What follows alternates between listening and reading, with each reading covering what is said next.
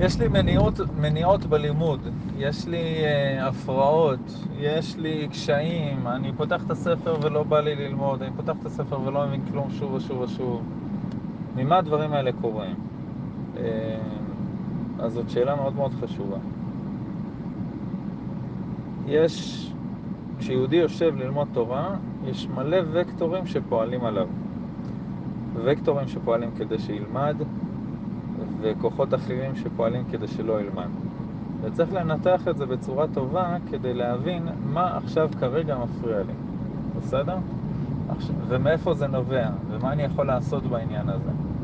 ופה צדיק יודע נפש בהמתו. צריך מאוד מאוד להכיר את עצמך, וכמובן זה דבר שהוא לאט לאט גובר עם הזמן. אתה יותר ויותר uh, מבין מאיפה הדברים uh, מגיעים ואיך לנטרל אותם, אבל זה תמיד תהיה את העבודה הזאת של החשבון נפש, מאיפה זה מגיע. יש לי את הגוף שלי, בסדר? הגוף שלי עכשיו צריך להיות פה בחברותה הזאת, ב- בלימוד הזה, כן. אני צריך שהוא לא יהיה עייף, שהוא לא יהיה רעב, אה, שהוא לא יהיה עכשיו פצוע, חולה, חסר לי עכשיו ויטמינים כלשהם, אה, זה גורם לי לבעיות בריכוז, בכללי נולדתי עם בעיות ריכוז שאני צריך לטפל בהן. יכול להיות שיש לי בעיה בעיניים ואני צריך משקפיים, יכול להיות שכואב לי הראש.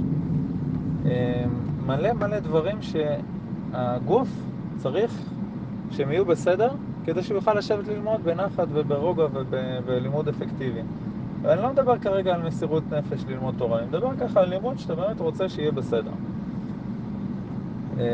כתוב שמשה רבנו הוסיף יום מדעתו לפני מתן תורה, למרות שהקדוש ברוך הוא אמר לנוח ואחרי זה לקבל את מתן תורה, משה רבנו הוסיף להם עוד יום של מנוחה לפני מתן תורה, והרב קוק כותב ב...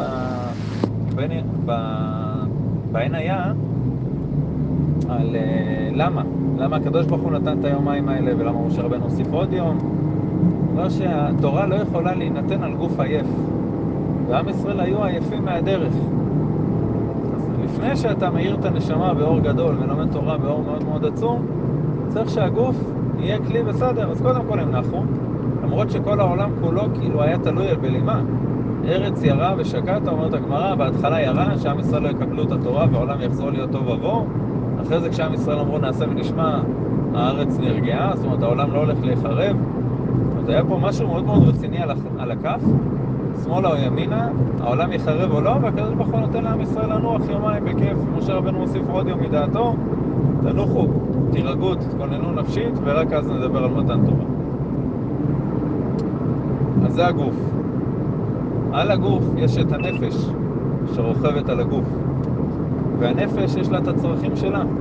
הנפש זה יותר תחביבים, זה יותר דברים שהם מסיחים את ה... הם מפריעים, אבל ב... בכיוון של הרוחני יותר של הגוף.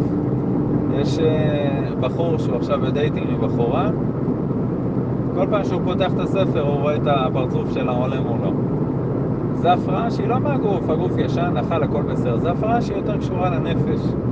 יש בן אדם שלמד תורה המון המון שנים, אבל יש לו תחביבים שהנפש שלו צריכה, או מנוחת הנפש שהנפש שלו צריכה, והוא לא נותן לה את זה. אז בסופו של דבר הוא לא יצליח להמשיך לשבת, כי יש לו כוח של נגינה מאוד גדול שצריך לצאת לפועל, יש לו כוח של ציור, כי יש לו איזה משהו שמטריד לו את הנפש באיפה שהוא חי. אז גם הנפש צריכה לקבל את שלה. על גבי זה יש את הרוח, שזה האידיאלים, ודברים שקשורים לסוג של התורה שאתה לומד, האם הם מתאימים לנשמה שלך ולתיקון שלך בעולם. עכשיו בן אדם שלומד רק הלכה, יכול להיות שזה לא מטובל מספיק והתורה הזאת היא יבשה מדי, הוא צריך להוסיף מוסר ואמונה ומחשבה וקבלה ולהרטיב את התורה הזאת מכל הכיוונים עם הספרים שטוב ללב שלו ללמוד אותם, נכון? אדם צריך ללמוד תורה במקום שליבו חפץ. אז אם הוא לא עושה את זה, זה מפריע. צריך לחשוב גם על הכיוון הזה. יש את הנשמה שלך שזה דברים מאוד מאוד אלוקיים שקשורים ללימוד תורה הזה יש דברים שקשורים למקום שבו אתה יושב כתוב בזוהר הקדוש שהם היו יוצאים לטייל בשדות והרמח"ל באדיר במרום מסביר שהם מקומות שהם היו מרגישים שיש שם שערים לעולמות העליונים, והם היו עוצרים ללמוד שם. עכשיו, אחד המקובלים, אני לא זוכר מי, אה, למדנו את זה במבוא לקבלה של הרב הדעיה, ובספר שבילי הגן הוא מביא את אחד המקובלים שכותב שהם היו לומדים דווקא בשדות, חקלא כמובן, כי השדה הוא לא מעשה ידי אדם. הבית שאתה יושב בו, אתה לא יודע מה הכוונות, מה הפועלים עשו, מה עבר עליו, מה יש בקירות. אז אתה עושה חנוכת הבית ומשתדל ש... שיהיה בסדר. אבל uh, עדיין יש פה השפעה חיצונית. כשאתה בשדה זה מעשה ידיו של הקדוש ברוך הוא. אז גם המקום איפה שאתה יושב, הוא מקום שהוא מאוד מאוד רציני, ויש על זה הרבה הרבה סיפורים. ההשפעה שלו היא מאוד רצינית ויש על זה הרבה סיפורים. גם מבחינת הזמן, כמות זמן שבן אדם לומד תורה שהוא יכול אה, לעמוד בזה, מבחינת הזמן ביום, זה זמן שהוא מתאים, שאולי עדיף להעביר את הלימוד ואת החברות לזמן אחר, מבחינת הזמן של העולם. לא דומה לימוד תורה שהקדוש ברוך הוא רצה מאיתנו לפני אלפיים שנה, אלף שנה, חמש מאות שנה, לפני מאה שנה בגלות, ללימוד תורה בארץ ישראל בתקופה הזאת. הזמן הוא מאוד מאוד חשוב.